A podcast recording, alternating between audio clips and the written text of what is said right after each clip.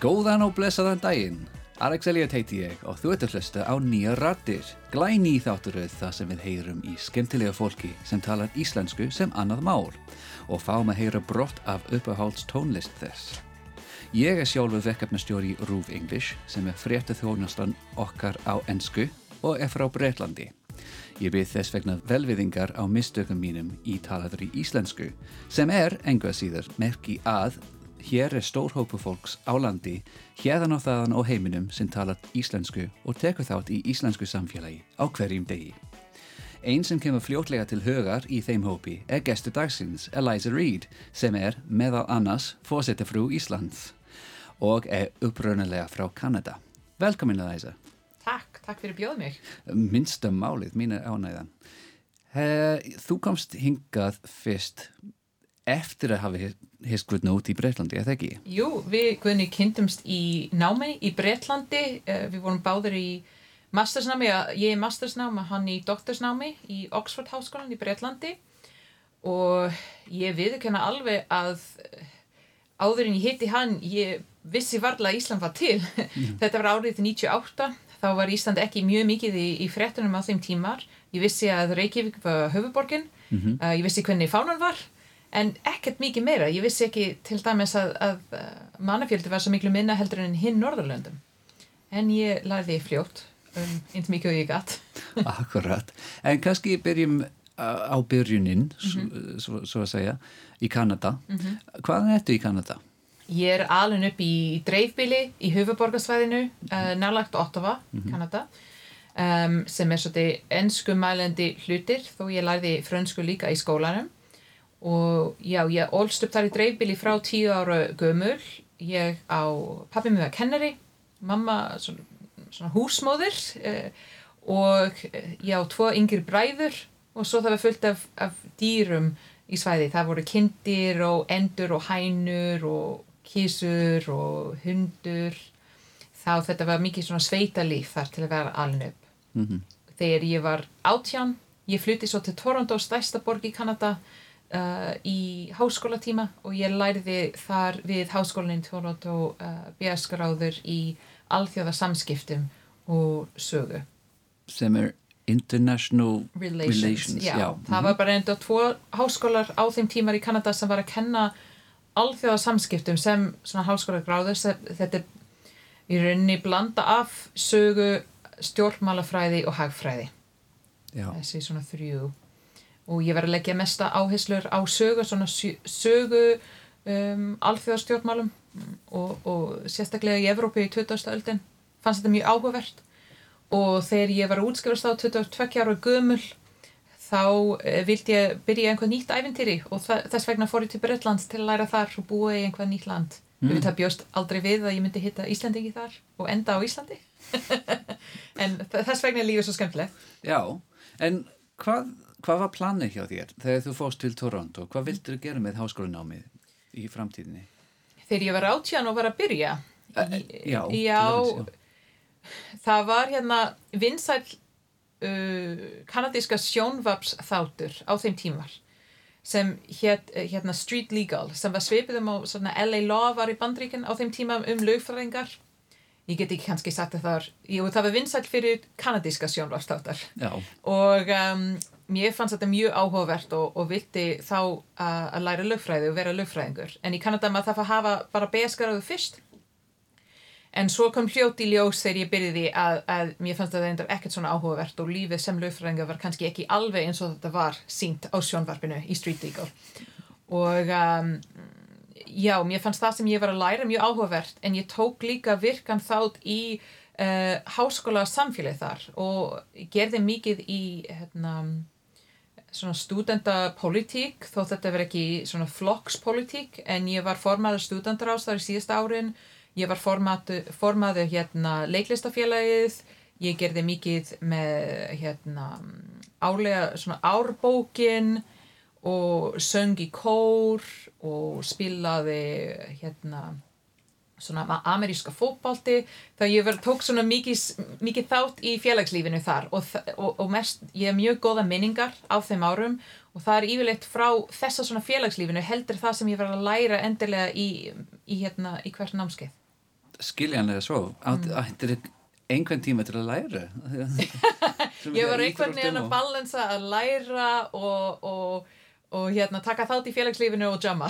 En, en veist, ég, ég var að útskýrast með know-how einhvern til að fara í Oxford þá þetta var allt í læg mm. og þú fórst beint þaðan til Oxford einmitt, já, já. ég fór beint þaðan 22 ára gömul það, við vorum svona ég, kannski svo þetta er tveimur hópur í Oxford, fólk eins og ég sem voru búin að koma bara frekkur ung en ekki, ekki sérstaklega ung en komin bara beint úr BS-gráður mm. Uh, og svo fólk eins og Guðni var, hann var 30 sem ég fannst að þetta var ofbáslega gammal og um, sem var búin kannski að vinna aðeins að milli tíma, kannski tök, læra einhvers þar annað. Og fyrir þeim var þetta miklu meira svona stóra ákveðin að fara og flytja og kannski hætti við einhvað starf, það var kannski fjölskyldu heima eða einhvað slíkt. Þeir voru, ég veit ekki alveg hvernig að útskýra það, en, en þeir voru kannski að upplifa það einhvern veginn öðruvísi en, en við yngri fólkið mm -hmm. og það er ekkert eitt sem er betri heldur en hinn heldur bara öðruvísi Já. Og voru þið saman í nám? Við vorum í, sama hérna, skóli við Oxford, Oxford Háskólinn á fleiri hérna, svo kalla colleges og við vorum báðir í St. Anthony's um, en við vorum báðir í nútíma sögu en eh, á þeim tíma það, við vorum ekki alltaf í sama sækja sem er námskeið við vorum í mastersnám, það var meira svona one on one með kennarunum en ég, ég var búin að fretta það var Ísle, Íslendingur í, í skólum og þetta fannst allir mjög hérna, sérstakt en ég hef oft sagt í viðtörun sagan um hvernig við fórum út í fyrsta stefnumót og það var nokkur vikur setna eða mánuði setna Við vorum báðar á róðraliði og það var eitt kvöld sem það var svona veysla til að sapna peningin fyrir róðraliðinu.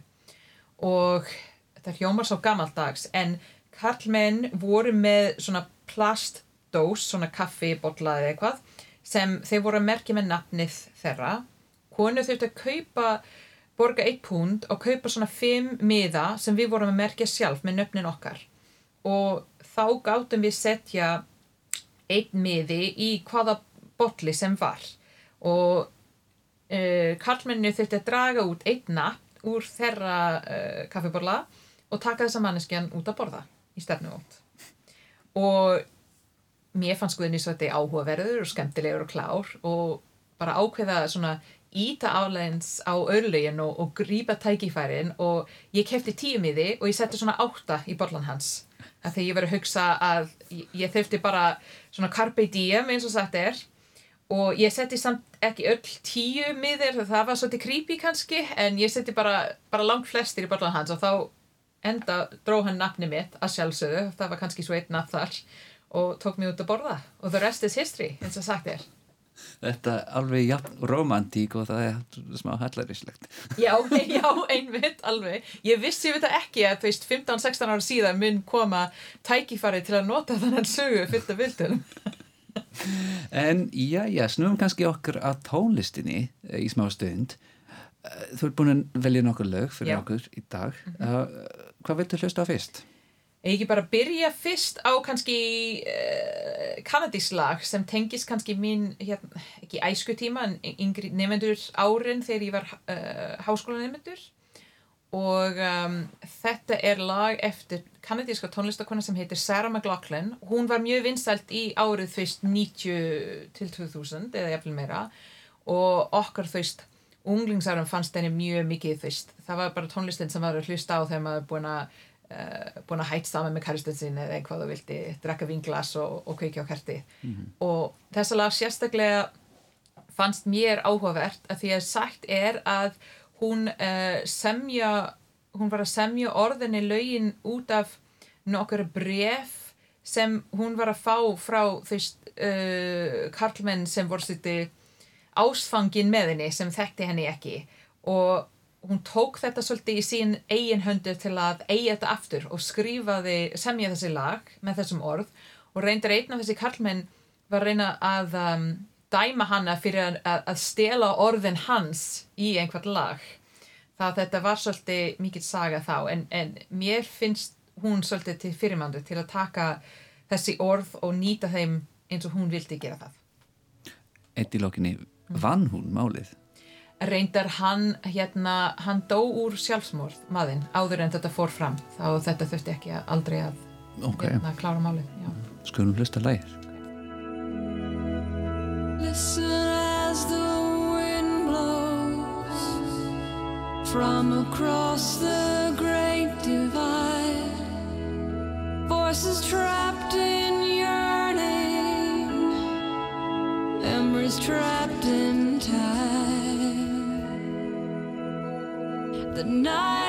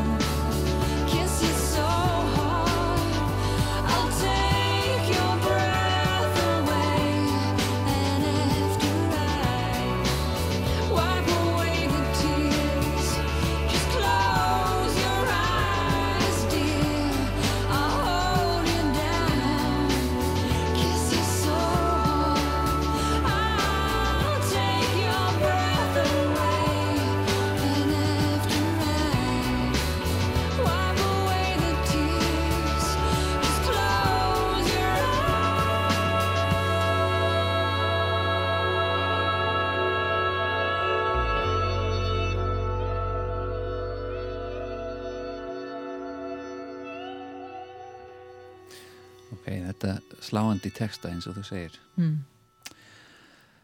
Já, já. En þið kynntust, þið guðna, Mhm. og ú, ég glemdi að segja Já. ég ætti að segja til hammingjum í næstu fjögur árin. Ó, takk fyrir það Þetta, þetta var hérna, á, á dagskráðum mér að segja það strax í upphafi. En, já, en, já, þið kynntust, en mm einhver meginn kom upp hugmynd að- að að flytja inn saman og Já. Hvernig, hvernig var svo ákveðan tekin mm að flytja hingað til lands til dæmis? Já, það var reyndar maður þurfti í rauninni aldrei taka ákvöðun um hvort það væri Ísland eða Kanada af því að um, Guðni átti dóttur frá, frá fyrir hjónabarnið hans. Hún var fjárara þegar við Guðni kynntumst og Guðni var auðvitað svolítið fastur um að vera í Breitlandi í nokkra ára klára doktorsnami sitt þó hann fór heim alltaf á, hver, á hverju sumur, alla sumurið til að vera með dóttur sinni. En að sjálfsögðu vildi ha hann uh, sjá hanna aftur þegar námið sitt var búið. Og það var aldrei spurning um þegar hann var búin að hann myndi flytja til landsins hingað. Og það var bara ekki spurningi fyrir vildum vera saman, það var bara á Íslandi. Þá þetta var kannski um, jú, þetta er auðvelt mál þá. Ég, ég vissi að við já, vildum bara flytja svo hingað en ég var kannski ekki alveg tilbúin að segja ok, við flytjum bara alla æfi okkar hingað, ég var 27 ára gömul og fannst það, það svo langt í framtíðinni. En ég vissi samt, ég, við vildum vera hér að minnstakosti, þú veist, í 10 til 15 ár að, meðan hinn, hans var að alast upp og svo samt til, en ég var mjög meðvitund um að þú veist, maður er búin komið rætur þá og, og komin inn í samfélaginu. Og uh, ég vildi bara jú, kannski ekki lofa að vera alla æfið aftur á Íslandi en að minnstakosti alltaf hafa tengsl við landinu. Um, þó ég var í opinn fyrir hugmið að hafa kannski 1-2 ár einhvern tíminn í Kanada eða annars þar en, en ég held að það hjálpaði þegar ég flutti svo til Íslands árið 2003 að ég kom uh, með þann uh, í huga að þetta verði ekki til að prófa hvernig þetta maður ganga. Ég var komin til að vera. Og mér finnst að þetta um, hvað, viðhorf hjálpaði aðeins þeist í fyrsta vetur þegar allt var dimmt og, og hitt og þetta fannst mér erfitt. Það var ekkit uh, það var ekki í bóði að hætta. Mhm. og þetta hjálpa finnst mér Og fannst því að, fannst að það vera kvatning til að allagast samfélagið meira og, og kannski læra tungumálið hraðar? Jú, það var, það var alltaf ekki spurning fyrir mig, ég, ég, ég vildi læra tungumálið, uh, ég var, ég var með samt svona ge- geisladisk hérna í Breitlandi, ég reyna að læra aðeins, ég var lungu búin að hætta að trausta Guðuna því að hann, hann var alltaf að reyna að stríða mér, að segja rámt orð þegar ég var að spyrja hann um hvað eitthvað þýtti, en ég var með geisladisk og það var að kenna mér mjög praktist frasar eins og hérna hvað er ströndin og hvað er lestastöðin Mm -hmm. sem auðvitað maður nota alltaf á Íslandi en um, ég var mjög heppin þegar ég fluttið til landsins sem var águst, águst 2003 að það kom uh, það var eitt plás í viðbót í námskeið hjá endurmyndaskóla Háskóla Íslands, það var 8 tíma í viku á íslensku svo kallað þá íslenska fyrir útlendingar uh, fyrsta stig. Og ég byrjaði þá í íslensku námskeið bara þú veist halva mánuði eftir ég flutti til landsins. Og mér fannst þetta hjálpaði mjög mikið af því að að sjálfsögðu er þetta hægt að búa hér sérstaklega með að tala ensku án þess að tala neitt orð á íslensku. Það er bara frekar auðvelt. En maður einhvern veginn kemur aldrei alveg inn í samfélaginu án þess að, að, að tala tungumæli held ég, mér finnst þetta bara líkilinn en uh, þetta er mjög auðvelt þegar maður kemur hinga að segja já, manjana manni, ég ger þetta bara í haust ég ger þetta eftir búin að finna starfið, ég ger þetta eftir þetta eftir þetta. Og svo allt í einu maður búin að búa hér í tíu ár og aldrei búin að læra.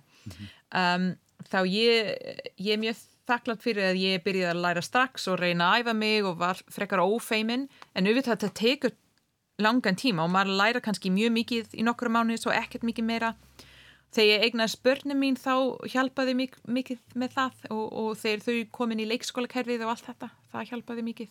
Og líka þegar Guðni fór í frambóð Meir um það setna. Já, En já, þannig að þetta var 2003 síðan, það er svo litið langt síðan. Og gengur allt ennþá eins fel á þá. jú, jú, Eh, jú, það mjög gaman. Jú, jú, það hérna þetta hefur, ég hef alltaf uh, verið mjög ánægði að vera hér og mjög hammingur sem að vera á Íslandi og við veit að þeir eru áskoranir af og til eins og það er bara í lífinu almennt hvort maður sé innflytjendur eða ekki. Og maður bara tekur þeim þegar það kemur. Og um, ég var mjög heppin að finna starf um, mjög fljótt þegar ég kom til landsins og það var mjög mikilvægt fyrir mig að reyna ekki að finna starf út af einhver tengingu sem Guðni var með. Og við vitum á Íslandi það er svo lítið samfélug að uh, kannski fólk hjálpast að og þekkir eitthvað sem þekkir eitthvað. Og ég hugsa nei, ég vil bara lesa auðlýsingar blöðin og finna starf úr mínu eigin reynslu. En þetta tókst tæpinlega að ég bara sá blaðinu og fekk starf og byrjaði að vinna strax. En svo eftir ár var ég sagt upp frá þenn starf, það var bara lítið fyrirtæki og það gerir stundum. En þetta fannst mér kannski erfiða tímar að reyna að leita eftir störfum en svo þetta endast allt bara vel eins og svo margt Þetta er svona sjálfstætt hérna, hugsun sem þú hefur mjög mikið held, haldir áfram með en meir en það síðan. Ok. En þannig að þú, þú myndir kannski segja að lífið hér sé eitthvað gorgeous eða? Ég veit alveg hvert þetta fara núna Þú þetta, já, við erum að kynna næsta lag, hefði ekki? Já, jú, Þetta er einmitt. Gorgeous eftir hann elskulega Pál Óskar og ég var að velja þennan lag að því að uh, eftir ég misti þessa starf og byrjaði svo aðeins að vinna freelance, ég var ekkert uh, með mikið að gera. Skrifaði í Grapevine sem var ný orðin blað á ensku, sagði, viljið ekki fá grein um hvernig þetta er að vera innflytnundur á Íslandi? Og þau svariði, sagði, nei, okkur vandar ekkert svona grein, en vildu ekki bara skrifa grein um Eurovision? Allt annað. Og ég sagði ok. Svo ákveði ég bara að vera í sambandi við Pál Óskar sem ég þekkti ekki og allavega þesta fyrsta grein var svona ingangurinn minn í bladamann heimurinn og reytufunda heimurinn sem ég er búin að vinna með síðan. Og mér fannst að það var svo frábært að Pál Óskar að taka þessi viðtöl við mig í fyrsta skipti sem ég er að taka við það. Þá ég mér þykir mjög vænt um hann. Og þú ert búin að velja live dæmi með, með Sinfo. Mm, Já, einmitt, af því að bara Sinfo var svo frábært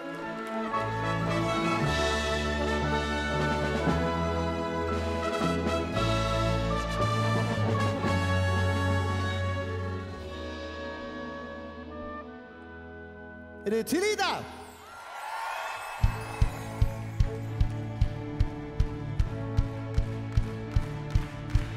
Líkt og fugglinn Fönix frís Fögur lítil diskódís upp úr djúpinu.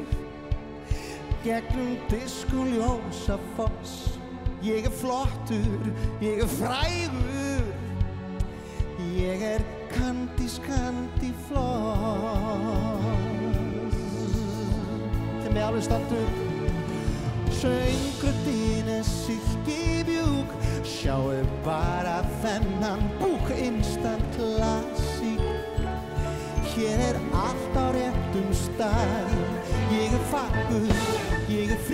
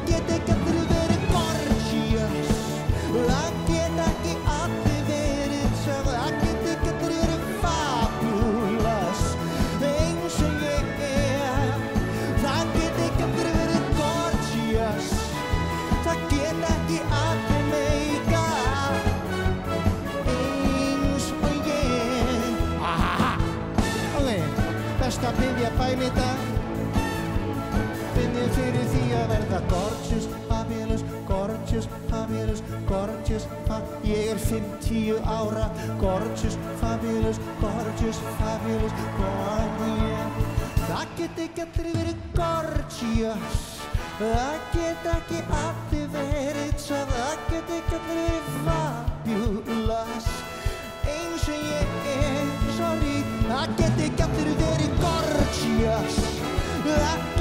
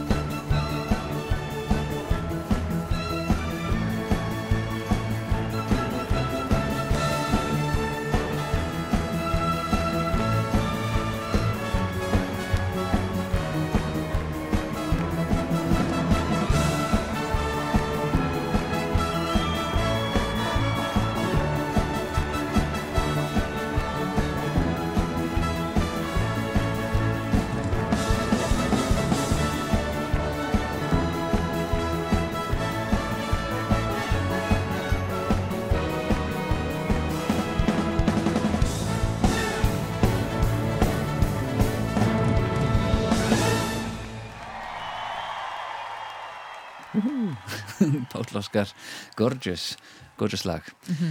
um, þú vannst hjá Grapevine fyrst, en þú ert búin að skrifa hér og þar síðan Já, þá, já. þar með þann Iceland Review. Já, einmitt, ég, reynda, ég var aldrei starfsmaður hjá Greifan en heldur skrifa nokkur greinar. Eh, en svo e, þetta fór yfir á, e, ég var bjóðin að vera hjá Iceland Review sem er freka þekkt e, tímaritt á ensku, skrifaði fyrir þau og líka Atlantica sem er tímaritts Icelanders fyrir hrun, já. Já, og bara í þeim tíma ég var að vinna á þessa, stopnaði fyrirtæki egnaðist fjögur börn í sex ár og það var allt svolítið crazy mikið að gera og mjög gaman.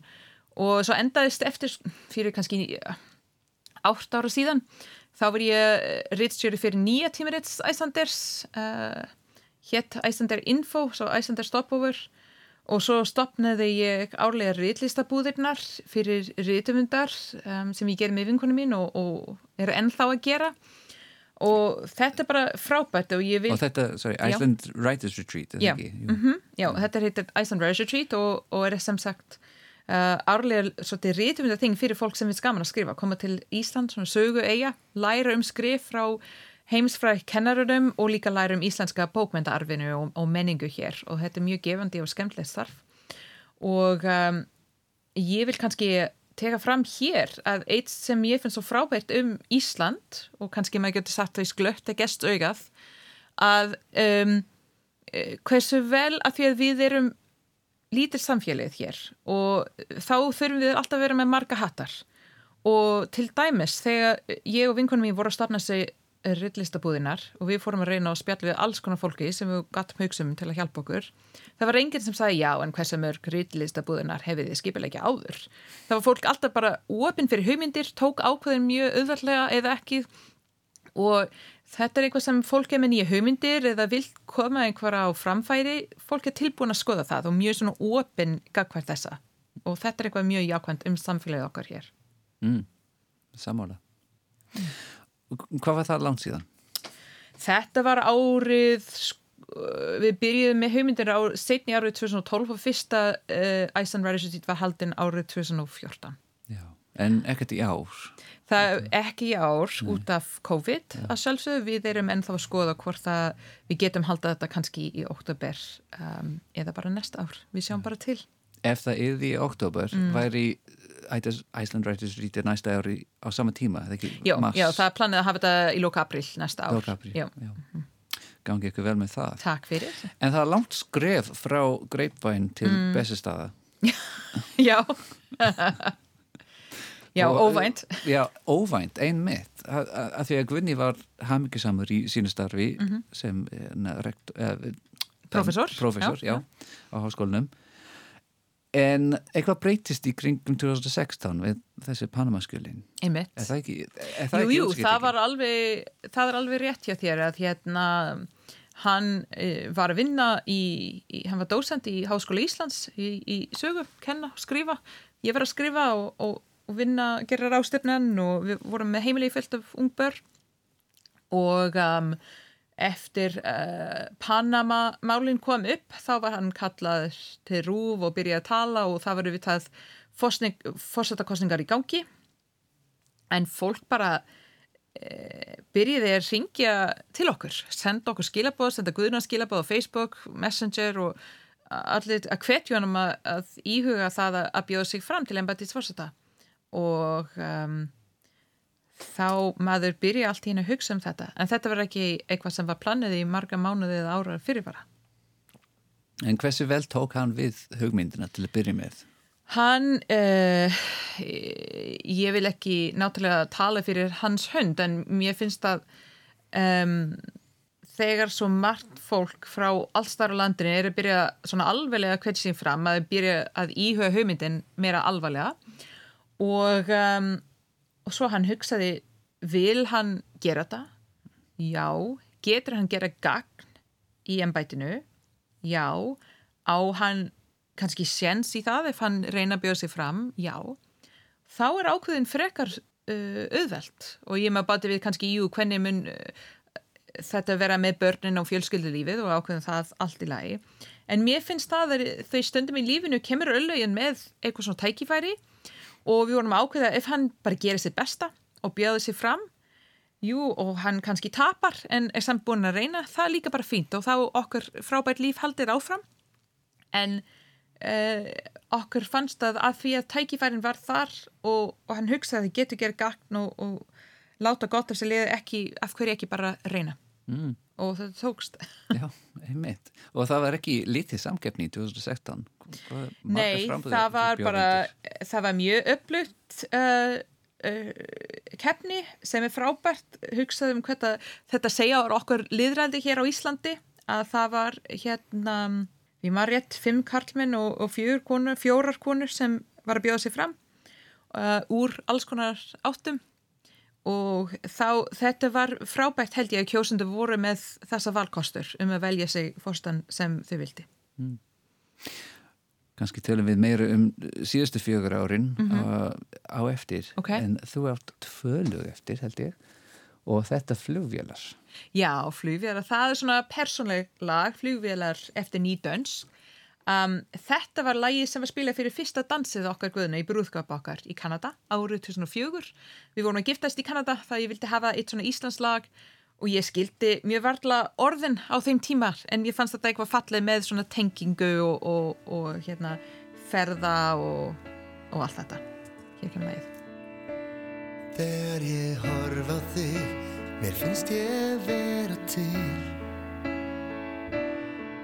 Allt verður auðvelt, allt verður einfalt. Getur verið að samanlæða sálir geti einhverju breytt. Þegar ég horf á þig lifna döðir hlutir við. Steinarnir ilma Gráta og hlæja Getur verið Að samanlæða sálir geti einhverju breytt. Allt verði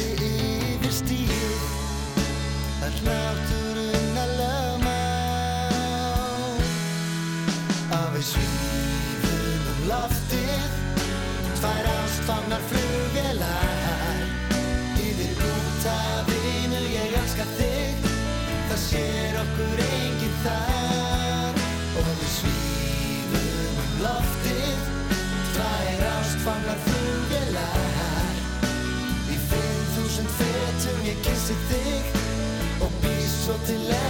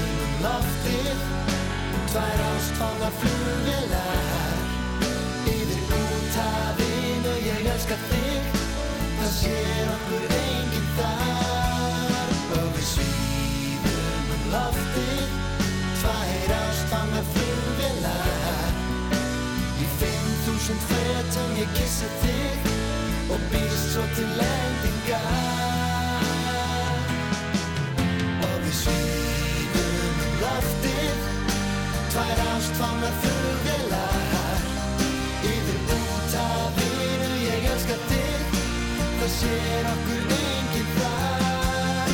Og við svífum um loftið tvær ástfánar flugvélar. Í 5000 fetum ég kissi þig og býst svo til endingar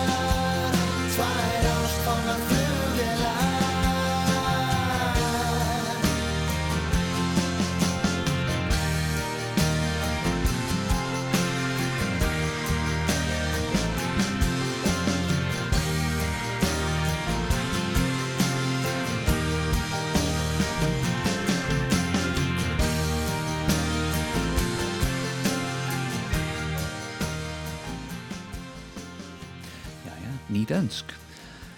Það er verða fjögur ár, það er meira en fjögur ár síðan kostningarna fóru fram, en það er að verða fjögur ár síðan flutningin tók sér stað upp á bæstistæði. Um, hvernig var það? Það er svona surreal. Já, ég veit ekki einu sinni hvað orðið er á íslensk að sjálfsögðu og á hverjum degi eh, jú, það er svo real en þá hverjum degi, það er mikið forrættiti og heiður og bara indislegt að geta ganga, hafa þann tækifæri til að ganga í þessu hlutverki. Um, Já, eina mína svona sterkasta minningar er kannski á fyrsta ágúst. Það var búið á kvöldu, það var innsetning á alþingi og, og aðtöfna á Dómkirkjan og svo það var búið á bessustöðum þann kvöld. Við vorum ekki búin að flytja þangað og við vorum kert þangað líka með bílstjóra og þá vorum við í, í forstabílinn sem er mert nummer eitt og setja þá bak við einhverju keir okkur og svo er fáni að að alltaf þegar forstinni er í bílinn þá er fána fyrir fram. Og ég man ég var að sá fánin að, bara hreyfast í vindurinn þegar við vorum að keira og maður hugsa á veist, fyrir bara þremum mánuði það mun aldrei detta í hug að þetta getur gerst. Og ég vona samt að ég skal aldrei algjörlega týna þann tilfinningu af því að þá er kannski maður komin í einhver stöðu sem maður er búin að gleyma sig aðeins.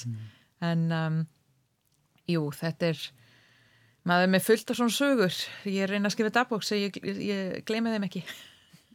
Það er alltaf erfitt eða eitthvað svona kvettjandi að, að allagast nýtt heimili, nýtt hús. En þetta er sérstakt hús. Mm. og á sérstakann stað. Uh, hvernig er að búa í, í þessu húsi? Já, við um, jú, við byggum á svo fyrst miðbænum, svo tíu ára á vesturbænum, svo eitt ára á Seltjarnesi, þá þetta var svona sem langst sem ég var flutt í höfuborgarsvæðinu mm.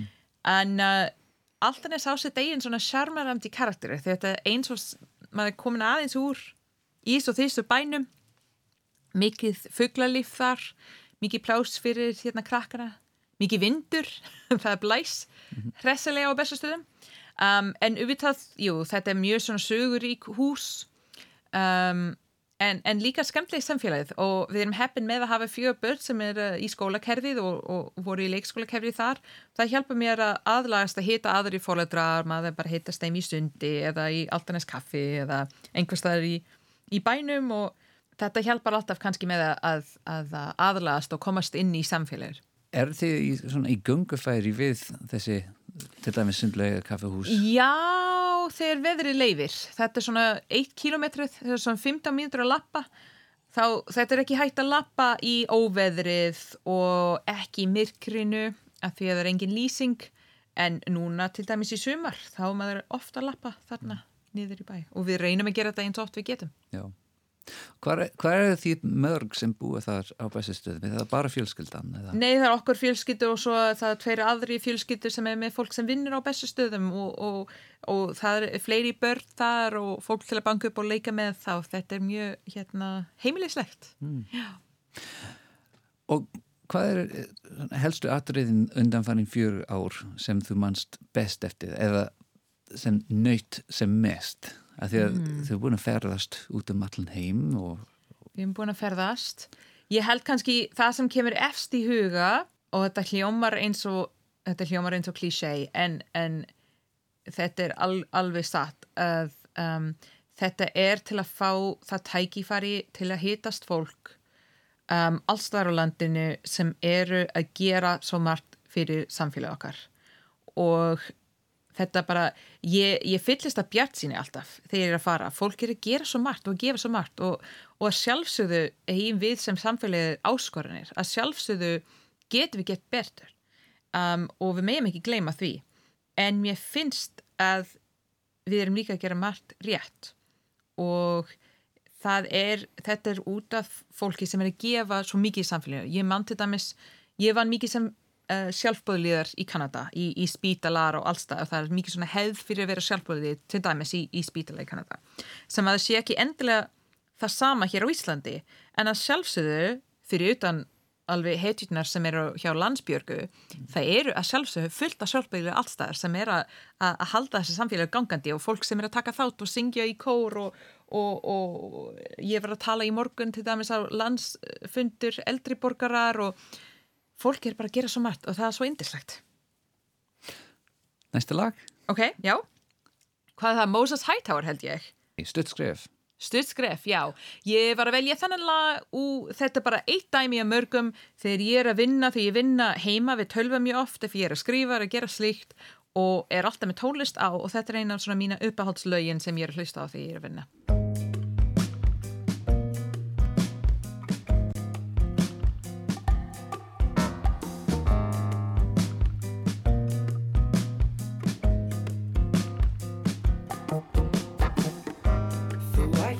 Kannski að stikla á stóru og fara greitt.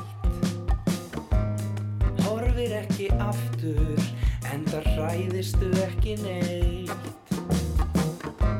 En ef þér skrikar fótur er sárar að falla við. En ef þú hefðir hægt á þér og skoða betur málbyggið Taktu stutt,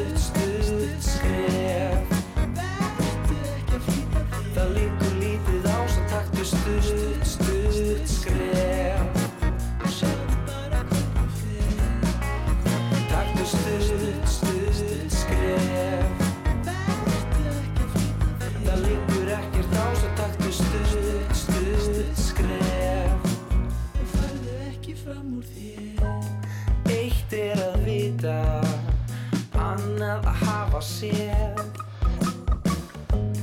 Dreigað sér andan og slegið taktin með.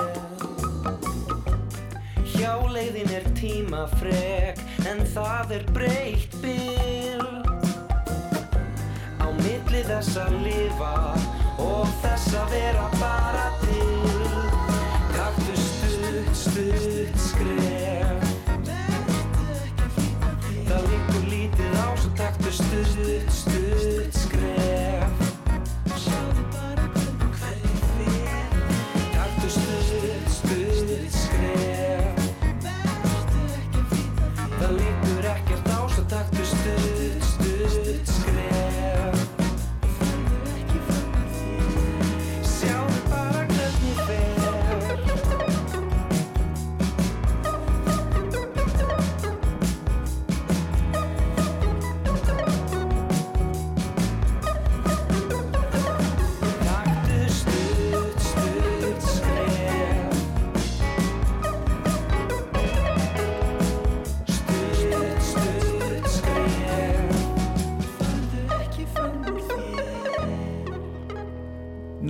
Við búin að spjalla aðeins um fortíðina, eh, um fortíðinni, nei.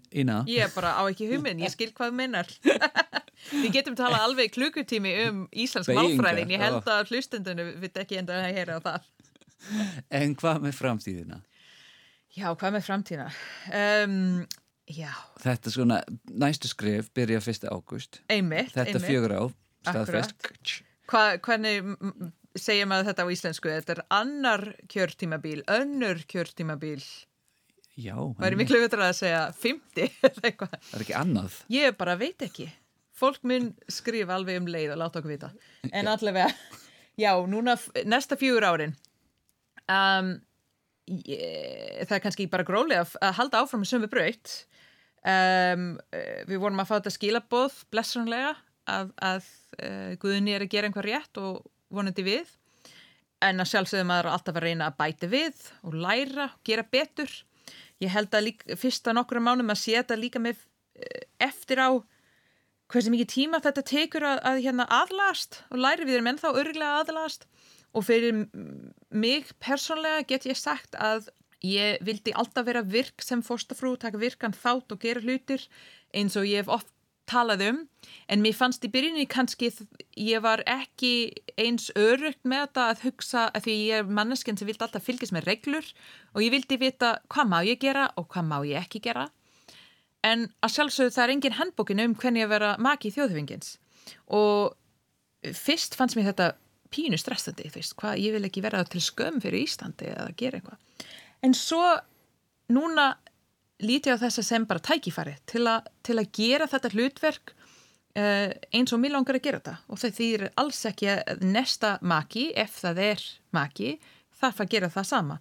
En ég er bara að trausta minn einn svona innsæði meira að gera þetta eins og ég vil sem er að vera virk, sem er að nota röddin mín og röddin mín með hreim og að koma málefnum að framfæri og tala fyrir hérna jafnrættismálum uh, meðal annars.